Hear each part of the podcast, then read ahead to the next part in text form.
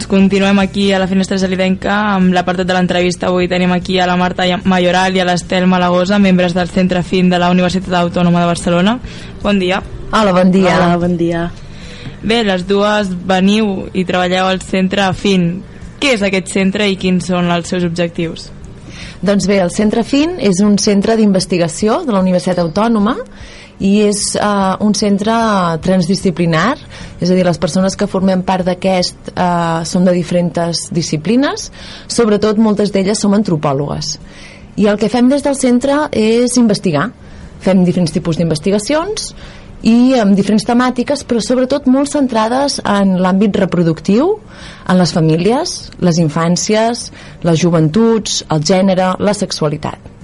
Llavors, totes aquestes recerques que nosaltres fem bueno, com a projectes d'investigació um, les troballes que fem les volem tornar a la societat a través de projectes d'intervenció social uh -huh. Exacte, una mica el Centre FIN es va crear amb aquesta idea de transferència, no? del que és, el que es coneix a través de la recerca, no? intentar-ho eh, no? implantar o, i treballar perquè això retorni a la societat com per transformar-la. No? Estàvem parlant del centre FIN, no? però vosaltres també formeu part d'un grup de recerca, pròpiament dit Sex Afin, si no anem equivocats. Um, en què en, se sent? Sí? En realitat, el grup de recerca es diu Afin i Sex Afin som un petit grup dins del gran grup d'Afin. Vale, bé, doncs, um, quins són aquests, aquests objectius del grup de recerca? Bueno, en realitat, dins del grup de recerca FIN, no, eh, fa un parell d'anys justament ens vam ajuntar doncs, un petit grup de persones, totes antropòlogues, entre d'altres coses, amb la inquietud, amb, la, amb les ganes de començar algun projecte de recerca vinculat molt a temes de, de sexualitat llavors um, vam generar aquest projecte de Sex Afin que parteix d'un projecte més gran del, del Ministeri que, que volia, tenia l'objectiu d'analitzar com s'expliquen els orígens dels nens i nenes nascuts sobretot per adopció te, amb tecnologies de reproducció assistida i, o gestió subrogada i el que diguéssim, la pregunta va ser eh, i què s'explica als nanos nascuts a través de reproducció sexual no? i vam veure que allà hi havia un, un, un buit interessant a investigar i vam crear aquest projecte de, de sexe fin. Sí, de fet, quan estàvem investigant aquest gran projecte que tenim, que està, com nosaltres diem, és un projecte Retos finançat pel Ministeri d'Economia de l'Estat espanyol, eh, veiem que les famílies que havien tingut engendrat els seus fills a través de reproducció sexual també tenien dificultats a l'hora d'explicar els orígens. Per tant, no només aquelles famílies que havien engendrat els seus fills a, a través de les noves tecnologies reproductives, sinó que també els que ho havien fet a través de la sexualitat i aquí vam començar a indagar i a fer entrevistes a famílies per saber com explicaven l'origen d'aquests fills mm -hmm. i filles. Sí, per saber com, com parlaven, no? si és que en parlaven, de com naixien els bebès no? i com arribaven les persones a, a les famílies. I, I de fet, clar, parlant amb famílies ens vam adonar que, que hi havia dificultats, però també vam trobar molt interessant anem a veure què saben els nens i nenes què els han explicat als pares o què els han explicat a l'escola i què saben sobre el seu origen i per tant vam començar a entrar a poc a poc dins del tema de la sexualitat uh -huh. i així és una mica com va néixer Sexafin que és el projecte que estem portant aquí Gelida que és un projecte de recerca és a dir, d'investigació perquè volem conèixer totes aquestes preguntes que ha fet ara l'Estel però a més a més és un projecte de recerca i, i acció, no? d'intervenció-acció per què? perquè d'alguna manera també estem direccionades no? a fer una intervenció social en tant que generem canvis no? en amb, amb la recerca no només nosaltres obtenim unes dades per analitzar una situació social sinó que el que intentem és que amb la pròpia comunitat amb la que treballem no? eh, doncs es qüestioni i pensi, repensi i, i passin coses Sí, de fet des del Centre FIN ens dediquem a investigar i llavors tenim una entitat que es diu AIDIS que és una associació que es dedica a fer intervenció social uh mhm. -huh. és a dir, potser des de la universitat nosaltres fem més aviat el que és la recerca l'obtenció de dades i quan volem transformar la societat ho fem a través d'aquesta associació AIDIS per tant des de FIN i des d'AIDIS hem muntat entre les dues o aquest projecte Sexe Fin i que hem portat i que hem estrenat és un projecte sí. nou, l'hem estrenat l'any passat aquí a Gelida uh -huh, a Gelida, amb les dues escoles d'aquí Gelida va ser el pilot no, de Sexe Fin que de fet continuem, això vol dir que alguna cosa vam fer bé.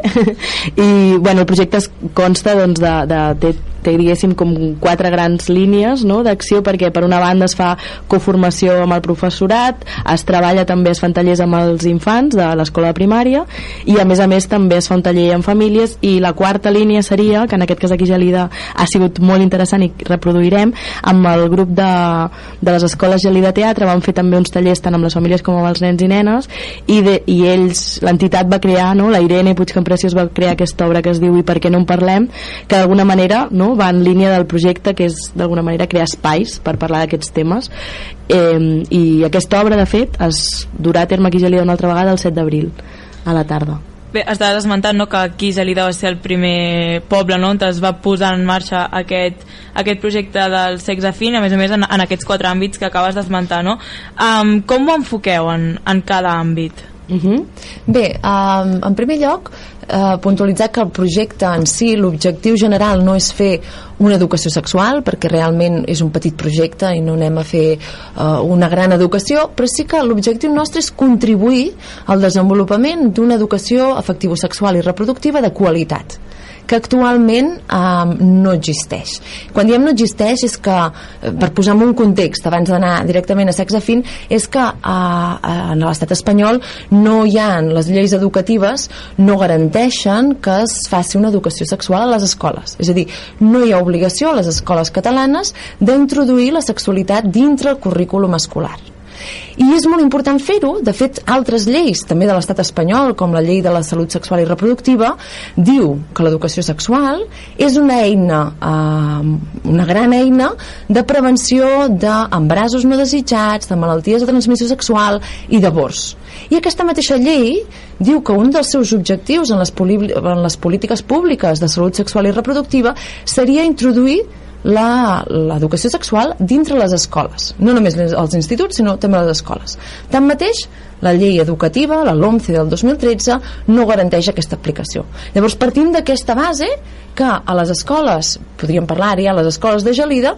no hi ha l'obligació d'educar en sexualitat i ho deixem tot a la mà de la motivació i de la voluntat uh mhm. -huh. dels mestres a nivell individual uh mhm. -huh. per tant no, en principi a les escoles no s'educa o no hi ha l'obligació d'educar en sexualitat. Clar, exacte. De fet, l'única part de la sexualitat que, que sí que es toca a les escoles com a currículum formal és, és aquesta part de la reproducció, no? que es fa normalment a coneixement del medi o a medi, eh, que és, és únicament aquesta part i, i d'alguna manera el, el que veiem és, és que ja ho, a través de les, del, del que ja portem de projecte el que veiem és que els, me, els mestres no, viuen amb, amb, amb, amb incomoditat moltes vegades les situacions que, que es generen perquè no només no, la sexualitat és un àmbit molt és una paraula molt gran no? com sempre diu, diu l'Estel que contempla moltes coses que no només és la reproducció que té a veure amb el cos, que té a veure amb els canvis en el cos que té a veure amb les orientacions, amb les identitats i que el dia a dia la quotidianitat fa que allà passin coses no? i que ells hagin de gestionar i,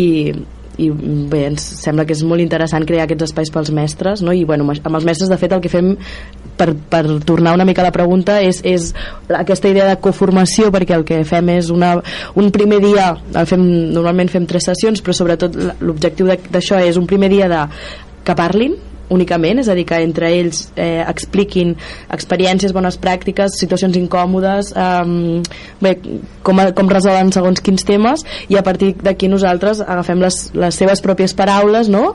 les portem a, a les treballem i les esmicolem i les deconstruïm i les treballem per oferir-los un coneixement adaptat a aquestes, a aquestes necessitats que tinguin no? I, i això és el que treballem amb els mestres aquesta idea d'acompanyar no? I, de, i, de, bueno, i de formar sobretot en temes de conceptes no? de sexe, de gènere de, de, del sistema sexe-gènere de com acompanyar no? i de...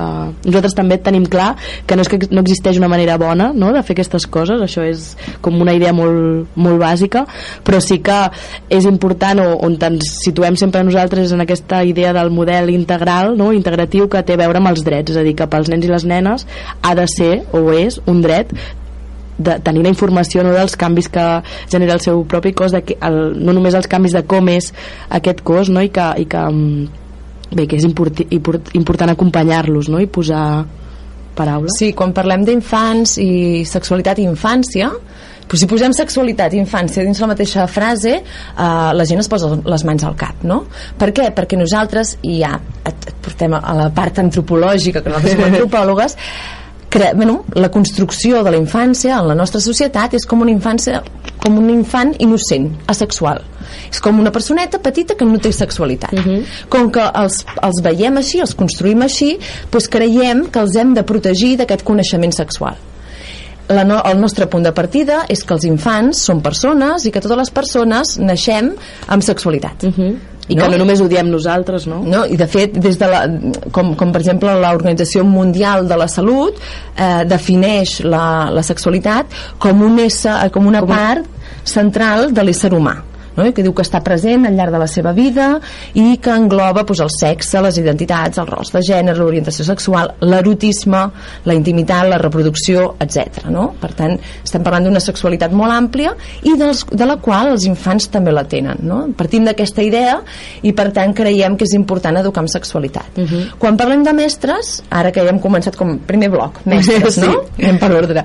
Uh, des de sexe fins, per nosaltres són una gran prioritat els mestres. Uh mhm. -huh perquè al moment que ja deixem d'existir nosaltres, no, bueno, la nostra idea és seguir, seguir existint, però en el moment que acabem la, la intervenció, la petita intervenció amb els alumnes sí, pot fer canvis, pot transformar, però la gran transformació i la gran sostenibilitat del projecte, la continuïtat, és el treball amb els mestres. Uh mhm. -huh. I per això amb els mestres dediquem més sessions de treball conjunt, i per exemple aquí a Gelida ja portem dos anys, per tant són dos cursos que estem treballant amb aquest professorat, per tant de canviar i de, i de transformar la pròpia escola, no?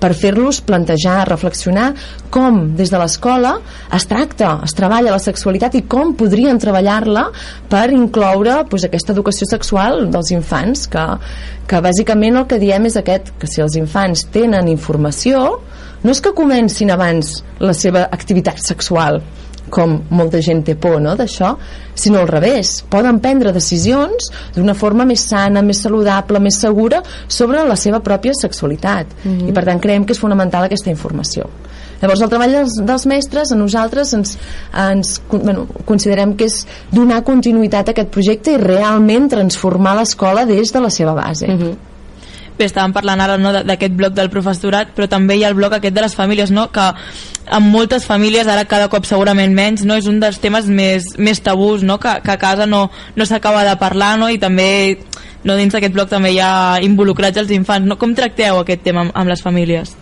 Uh, el que fem amb, amb les famílies, bueno, això que dius de que és, és un tabú que ara menys en teoria, ho qüestionaríem, no?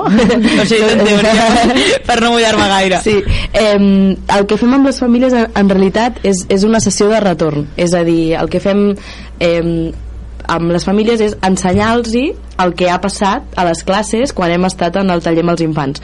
Per tant, és una sessió en la que els mostrem aquests resultats de, de l'anàlisi que hem fet de la, de, dels, bueno, de la sessió amb els nanos i, a més a més, també intentem generar un espai de, de, de reflexió i de compartir també el que dèiem, no? Amb els mestres, doncs, de compartir preocupacions, de compartir moments, bones pràctiques o, o no, o llavors el que, el que fem és això, sobretot, no? Aquesta idea d'explicar-los de, què saben els seus fills i filles sobre sexualitat, no? que és el que hem anat a preguntar-los quan hem anat a fer els tallers a l'escola. Eh, com deia la Marta, eh, nosaltres tenim un, un model peculiar de treballar i és que no creiem que hi hagi una manera única de fer les coses ni una manera ben feta. No? Des de l'antropologia pues, no hi ha una manera normal i una normal, no, no. Tot, tot, tothom educa i fa les, i vivim com podem i, i, i no? com tenim l'oportunitat de fer-ho. Llavors, partint d'aquesta base, nosaltres no diem o no donem consells del que s'ha de fer o el que no s'ha de fer, sinó que el nostre projecte el que pretén és generar aquests espais de diàleg, uh mhm. -huh. de compartir experiències, perquè quan una família explica m'ha passat això amb el, amb el meu fill o amb la meva filla, tinc aquests dubtes, tinc aquestes pors, no sé com tractar això, se n'adona quan, quan s'expliquen entre elles uh -huh. que, mhm. que no és l'única, que totes tenen els mateixos dubtes, totes tenen les mateixes limitacions i a més a més de cop arriba una i li, una família, un pare, una mare que explica una bona pràctica i que bueno, diuen, bueno, doncs ho provaré a veure què passa no? per tant, al crear aquest espai que no tenen els, normalment els, els adults ni els infants, però ni, ni, ni famílies ni mestres tenen aquests espais per dialogar, per pensar, per reflexionar creem o em, estem fent, estem generant un coneixement col·lectiu. Uh Mhm. -huh. I entre tots i totes estem arribant en aquestes, bueno, a, a, a mètodes no? I, o fórmules Exacte, en aquestes eines, aquestes eines que que ens donaran, bueno, que ens permetran parlar de sexualitat amb els fills i filles. Mhm. De fet, sobretot, bueno, no, que m'agrada que expliqui això l'Estel perquè eh, aquesta idea de coneixement col·lectiu és el que fem amb les famílies, és el que fem amb els mestres i és el que també fem amb els nens i amb les nenes que perdó, quan, quan anem a fer els tallers amb ells no, nosaltres no anem amb una sèrie de continguts vinga, en aquesta hora i mitja parlarem d'això, això, això i això no, no, al revés, el que fem és generar una pregunta, una gran pregunta i és a partir de la resposta dels propis nanos que treballem els continguts que ells els interessa no? I, que, i, que, i que ells eh, exposen sobre la taula I, i per tornar un moment en quant a famílies amb, bueno, creiem molt interessant primer aquesta limitació que tenen o aquesta dificultat que tenen per parlar amb els fills i filles òbviament és per la concepció que tenim de la sexualitat de la, de la nostra societat no? Mhm.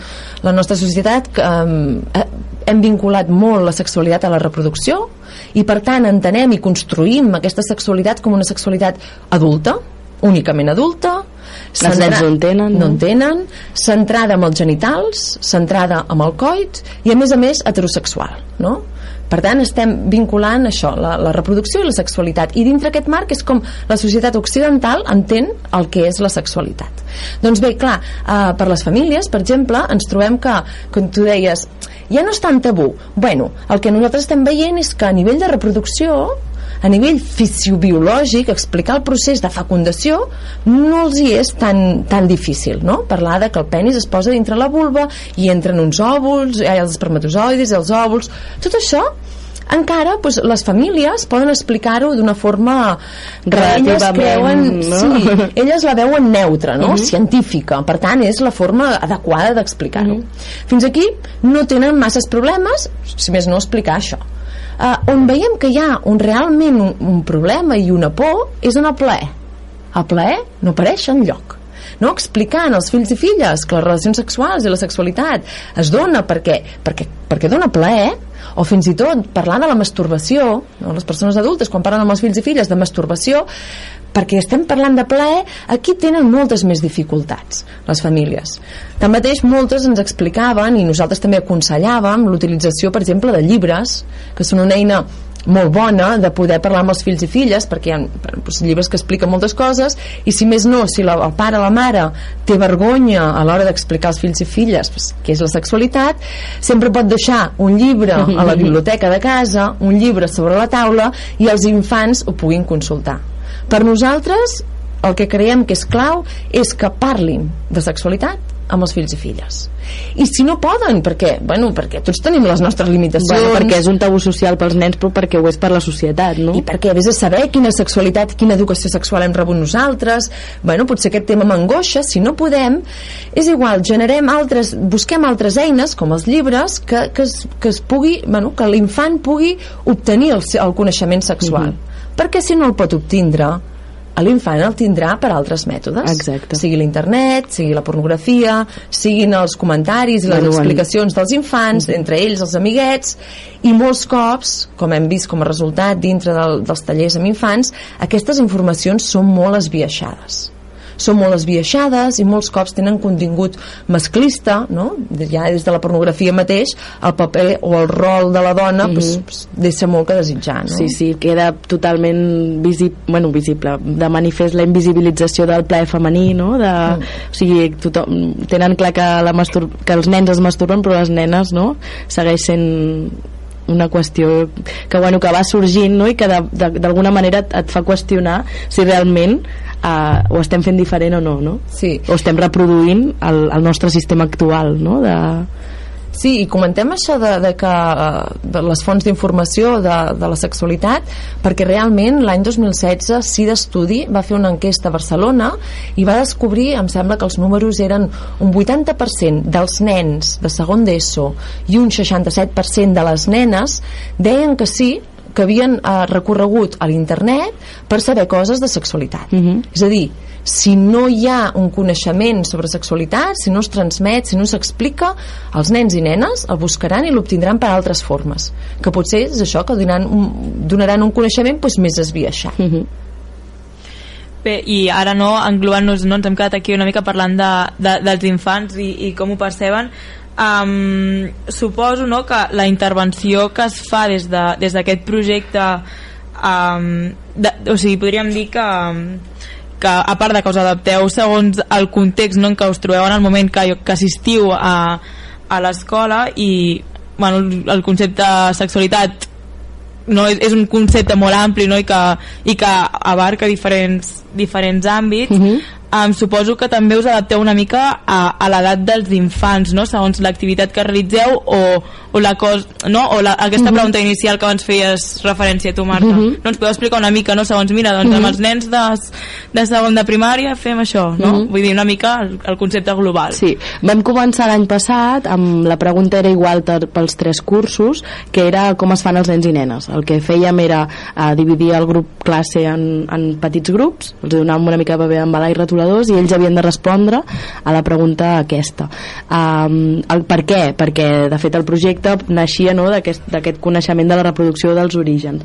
Um, però aquest any diguéssim que li hem donat una volta més justament per aquesta visió adultocèntrica de la sexualitat que tenim a la nostra societat que nosaltres també no, vam veure que si preguntàvem als nens i nenes sobre, sobre reproducció estàvem parlant de sexualitat adulta i hem fet aquest canvi de mirada per parlar de la sexualitat en el seu propi moment no? llavors en aquest cas amb els nanos de segon treballem els orígens o sigui seguim treballant el tema de com es fan els nens i les nenes i hem incorporat aquest any el cos no? el coneixement del propi cos el, el, el coneixement del propi cos i el, i el consentiment de què m'agrada o sigui, del plaer de què m'agrada i què no m'agrada i de qui sí i qui no em pot tocar i, i com dir que no, no? i sobretot treballant molt amb aquesta idea de eh, mi cuerpo es mío, no? bueno, el meu cos és meu i aquesta seria una mica segon i Aquària sisè hem fet també aquest canvi de perspectiva i la pregunta que, que fem és quins canvis hi ha al nostre cos no? ens, ens posem en la situació de, de són edats en les que s'apropa aquest moment de la pubertat i aquest moment de canvis eh, corporals i, i treballem a partir d'aquesta pregunta no? I, i una de les coses més interessants de tot això és que amb només una pregunta eh, surten tots els temes sigui, és facilíssim que acabis o sigui, només fer la pregunta de, de quins canvis hi ha el nostre cos, pots parlar de rols de gènere, pots parlar de, de de masturbació, pots parlar d'orientacions, pots parlar d'identitat, no és com només fent aquesta pregunta no, van sortint tots els temes. Sí, fem així. Treballem a través, eh, això que deia la Marta, d'una sola pregunta i surten molts temes, vol dir que estem treballant sobre els temes que ells els interessa. Uh -huh. no, no anirem a dir, eh, toca explicar això, potser a ells no els interessa. Llavors, a través de la pregunta, i fent una única pregunta, i a través del dibuix, perquè ells han de dibuixar la resposta d'aquesta pregunta en grup, parlar què volem dibuixar, fer un gran dibuix, i després explicar-ho a la classe, a través d'aquesta única pregunta van sortint totes les seves preguntes, totes les seves qüestions, els seus interessos, i ens van portant a una multitud de temes que és increïble. No? Per exemple, des de segon estem parlant de nens de, de 7-8 anys. Mm -hmm.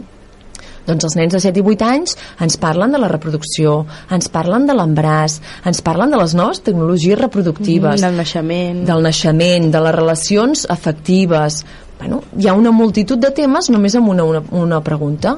Però clar, ja te'n vas a quart que estem sobre els 10, 11 8, sí, no, 8, 9, 10, 9, 10 i el sisè, que estem a 11, 12 10, 11, perdona, vaig un mm -hmm. any més cap enllà. Doncs a partir d'aquí ens surten moltíssimes, moltíssims mm. temes sí. i moltíssimes qüestions. I també ha sigut molt interessant, sobretot Aquària 6è aquest any hem volgut fugir de la pregunta de la reproducció perquè a més els, els infants de sisè ja l'han treballat a classe, ja l'han treballat a l'escola i ens n'adonàvem perquè eh, deixàvem que ells ens fessin preguntes a nosaltres no per respondre-les nosaltres sinó perquè se les responguessin entre ells uh mhm. -huh. no? eh, i moltes d'aquestes preguntes eren com es fan els nens i nenes és a dir, ens tornaven a treure el tema de la reproducció no perquè no ho sapiguessin, sinó perquè el que hem pensat nosaltres és perquè és, sembla que sigui l'única manera o la manera acceptable de parlar de sexualitat entre un adult i un infant. Per tant, també és interessant que les famílies, quan el seu fill els hi pregunta «Mama, Per què? Com es fan els nens i nenes? Molts cops això ja ho saben. Simplement t'estan demanant no? de parlar de sexualitat. Mm -hmm. I sembla que sigui la manera més acceptable. Sí. Val a dir que um, um, ara estic pensant que no ho hem dit al, al, a l'inici, que és veritat que això, no, que sisè, um, a tercer d'ESO també es, es, es treballa a les escoles, no, en el currículum formal aquesta, la reproducció, però bueno, que és un tema jo penso prou interessant com per destacar-ho i és que eh, normalment els propis llibres de biologia no, i de coneixement del medi parlen d'aparell reproductor què passa quan parem, parlem d'aparell reproductor? que hi ha un òrgan en el cos de les dones que, que no forma part d'aquesta funció reproductiva que sempre pot quedar relegat quin òrgan és aquest? aquest és el clítoris no? aquest és un tema que nosaltres també de, sí que incorporem no? moltes vegades també hi ha informació que, que, que en els tallers de quart i incorporem doncs, també el algunes preguntes que ens sembla interessant eh, que coneguin, no? justament per aquesta idea de, de que si no es parla del clítoris, que és l'únic, o sigui que l'única funció és del plaer femení, no? d'alguna manera ja s'està una altra vegada invisibilitzant, no? i per, per tant sí que és en, en certs casos, a, a, a sisè sobretot, que, que és quan també els hi fem escriure preguntes a ells mateixos, moltes vegades nosaltres incorporem algun tema que creiem que és important perquè sabem que en la pròpia dinàmica de coneixement que ells poden tenir de l'escola, doncs a vegades no, no hi té cabuda. Sí, un dels consells que els donàvem als, al professorat era que, bueno, que en comptes de potser de parlar d'aparell reproductor, poguessin parlar d'aparell genital. Quan parlem d'aparell genital, apareix el clítoris. Quan, parell quan parlem d'aparell reproductor, el clítoris no hi és. Però és un suggeriment que els hi fèiem perquè poguessin anar. Per què ho diem, això? I perquè la Marta deia, doncs, bé, els resultats que hem trobat eh, analitzant tot el que ens han dit i el que han dibuixat els nens i nenes de les escoles de Gelida de l'any passat i d'aquest és que hi ha una diferència molt gran entre gèneres. De fet, com ho hem fet? Això no era un dels objectius principals del projecte, però bé, quan vam arribar i vam dir feu grupets i els feu com vulgueu, com els feien nens per una banda, nenes per una altra. Mhm. -huh. Això ens va donar l'oportunitat d'analitzar què deien nens i què deien nenes de forma separada i, i contraposar-ho, no? Mhm. -huh. I ens vam adonar que hi havia diferència entre el que s'explica. Una de les, aquestes diferències, bueno, doncs, potser la, les nenes, els grupets majoritàriament de nenes, parlaven molt més d'embràs, parlaven molt més de la regla, de la menstruació, de, del cos femení, de les relacions afectivo-sexuals, per tant, d'una dimensió més afectiva d'aquesta sexualitat, mentre que els grups majoritàriament de nens, mascles, diguéssim, parlaven um, els petitons més del naixement i els més grans ja parlen més de les pràctiques sexuals uh mhm. -huh. pràctiques sexuals, fantasies erotisme, plaer ostres, què ens deixàvem si els infants, els nens parlaven de plaer i les nenes de menstruació, d'embràs i de relacions afectives no, no sortia lloc el plaer femení uh mhm. -huh. sí que ens trobàvem que potser alguns grups de nenes de sisè ens parlaven de plaer però quan parlaven de plaer sempre era el plaer compartit plaer de les dues persones que formen part de la relació de la pràctica sexual, però no un plaer sol, no parlaven de masturbació, mentre que els nens sí que parlaven. Per tant, aquí vam veure un viatge, mm -hmm. que el plaer femení ja històricament no? Ja, ja no hi és, ja no ha desaparegut, diguéssim, o no està en el mapa, doncs encara els nens i nenes de dia d'avui, les nenes, doncs el plaer femení no en parlen. Mm -hmm i és el que mm, durant aquest consell als mestres és el que intentem revertir. De fet quan vam exposar aquests resultats a les famílies deien, ostres, jo educo el meu fill i la meva filla de la mateixa manera però esteu dient i els resultats són aquests que realment allò que perceben o allò que expressen és molt diferent. No, perquè potser el, aquesta resposta no, que es té segons el gènere també ve vinculada amb, amb, amb el tema de, de, de la societat, no? Totalment. Sí. Totalment. Nosaltres creiem o, que els nens, bueno, hi ha una enculturació, és a dir, que els nens a mesura que creixen van adquirint les normes socials, el comportament eh, propi de cada societat. Uh mhm. -huh. I clar, a, la, a mesura que aprenen això, aprenen també els rols de gènere Llavors cada nen performa o actua el seu gènere i efectivament aquí hi ha una gran diferència. Hi ha des dels mitjans de comunicació, que hi ha uns rols de gènere molt, molt marcats, però fins i tot les normes socials que, que de, dintre la pròpia família no? ja ho veuen. La masculinitat ens hem adonat amb els nens, però podríem posar-ho també en les persones adultes. La masculinitat expressa la sexualitat amb lletres majúscules. Cap amb veu alta. Amb veu alta, és molt pública. És molt... Quan veiem els nens i els hi deixem una estona per dibuixar, els nens mascles, què dibuixen? Penis gegants amb un full necessiten dibuixar un penis molt gran, no?, per expressar-ho, per, bueno, i riuen, i fan broma, no? Normalment poden trobar aquests nens entre amiguets que fan bromes sexuals, no?, i riuen molt. Les nenes, la sexualitat de les nenes no és pública, és íntima, no se'n parla, i si se'n parla, se'n parla en petit grup. Per tant, veiem aquí una gran diferència, no? Una que és visible, una sexualitat que és molt visible, i ja des de nens molt petits, I, i, i, i la, la femenina no. Per altra banda, una cosa curiosa que hem trobat, i és que a nivell d'intimitat, quan creem grups, perquè el que fem és posar-nos en grupets i parlar una de nosaltres, amb un grupet, parlar a nivell íntim, perquè ens facin preguntes per respondre, doncs les nenes se senten molt còmodes Mhm. estan molt acostumades a parlar amb intimitat entre elles i no se senten i encara que sigui un grup mixta parlen, i parlen des del jo a mi em passa això, a mi em creixen els pits a mi em fa mal, no? el seu jo quan posem els nens en aquests grupets íntims a parlar de la, a, per parlar de la pròpia sexualitat molts d'ells no ho poden sostenir.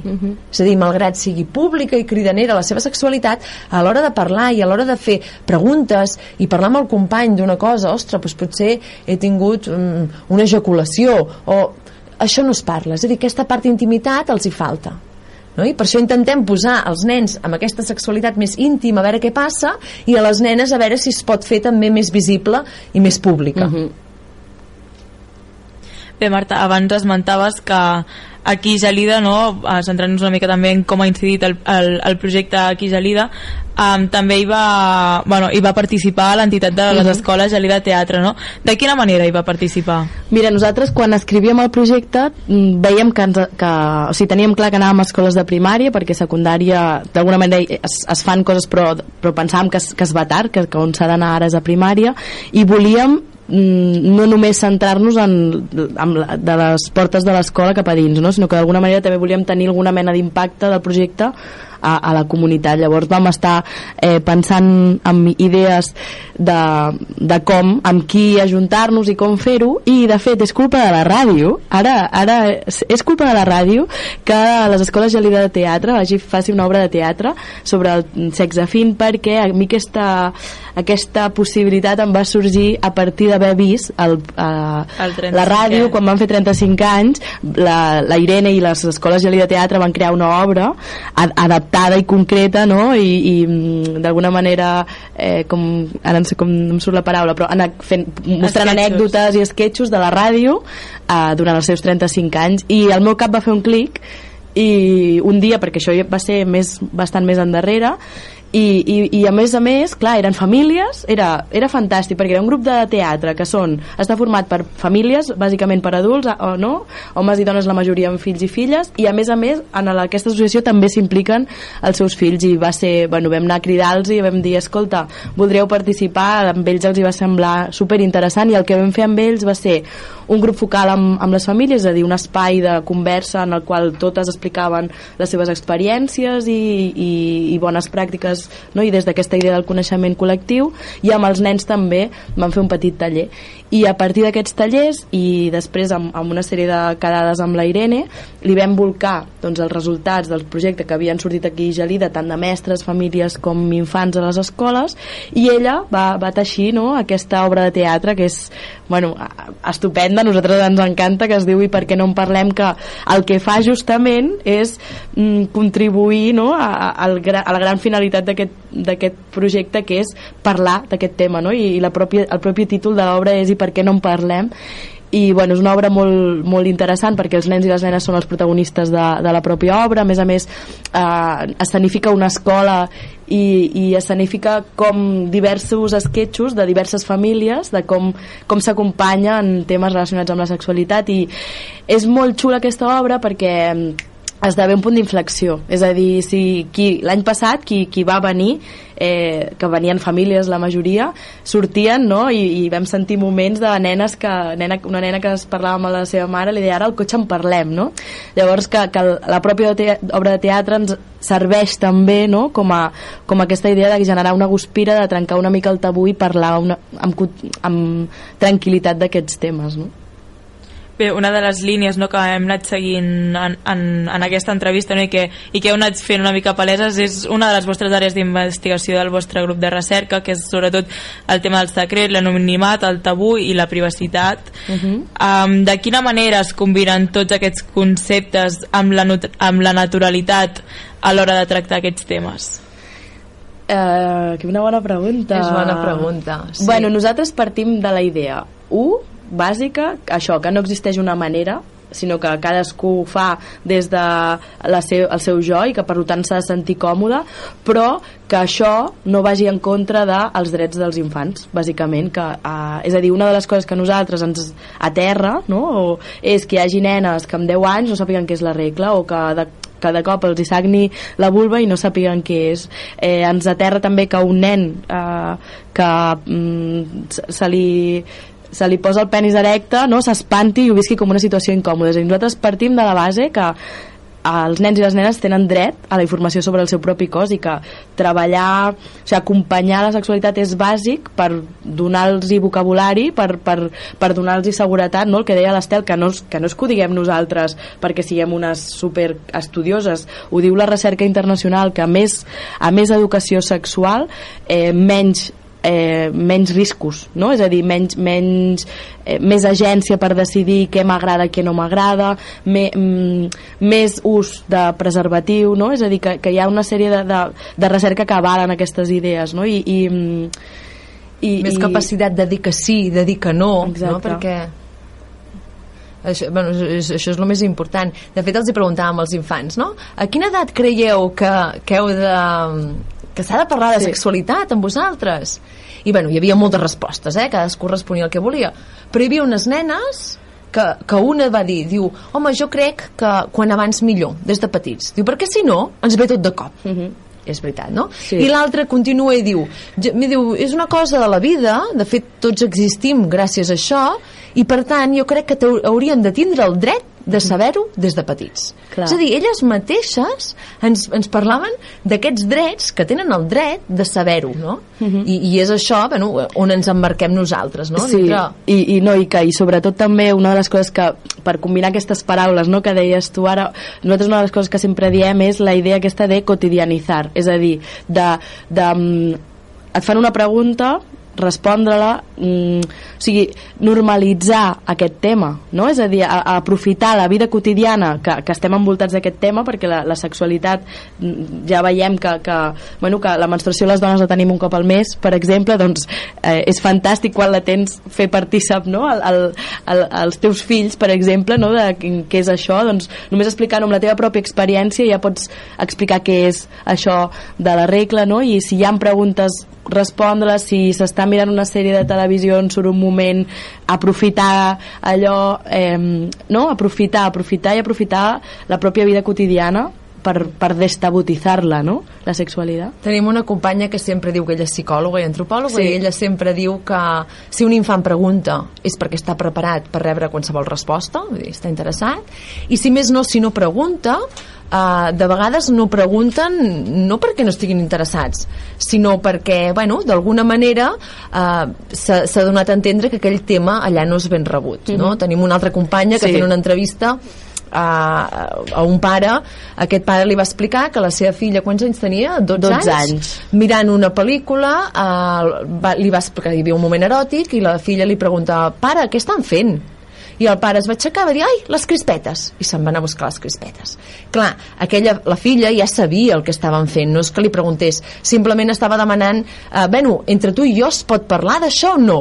amb la resposta del pare, la filla li hauria quedar claríssim que no es podia fer no? pues, intentar treure uh, aquest tabú d'alguna manera i donar la, la sensació, si no vols explicar res, pues que simplement que a casa es pot parlar Exacte. i es pot preguntar i és això de quotidianitzar però amb la, amb la mateixa vida, amb, amb, la, amb la pel·lícules, amb, amb, amb els contes, amb el propi dia a dia, no?, al final. aprofitar. I bueno, no sé, si també, clar, cadascú, si no se sent còmode, doncs, si jo no em sento còmode de fer una cosa, doncs potser no la, no la puc fer. Però donar lloc a altres persones, a altres institucions que sí que ho puguin fer.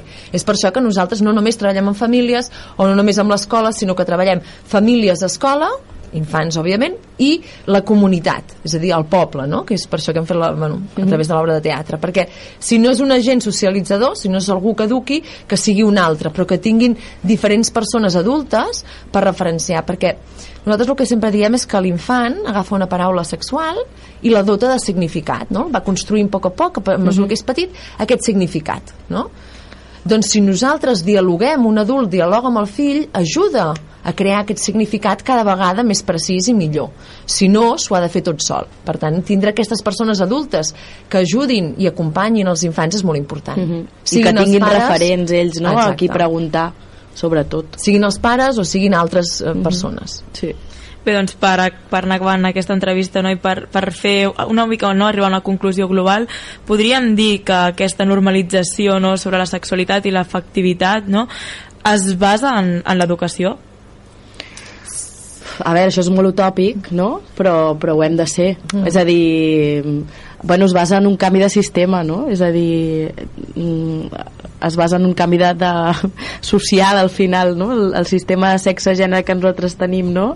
Eh, bueno, i, i la tradició d'on venim, no? que la sexualitat és un tabú, que, que, que és un tema que no se'n parla, que de, fi, de fet el que es fa ara és un model basat en la prevenció i el risc, no és cuidado, pero, vamos a hablar de sexualidad, però cuidado que, que, tema, que pots tenir malalties sexuals o, o, o que et pots quedar embarassat, doncs mm, bueno, el que hem de fer jo crec que sí, que és evidentment començar per aquí i començar a les escoles no? de primària i no i és el que diu l'Estel, nosaltres no, no, no canviarem res amb l'hora i mitja que estarem allà amb els nens, sinó que aquí es, el que, la clau és els, les persones educadores no? els, els professorat acompanyar sobretot el professorat que, per trencar una mica amb aquest tabú Sí.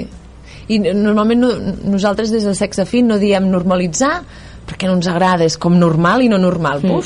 No. Sempre diem quotidianitzar, mm. no? De poder parlar-ho d'una forma més fluida, més, més lleugera, mm. més quotidiana, no?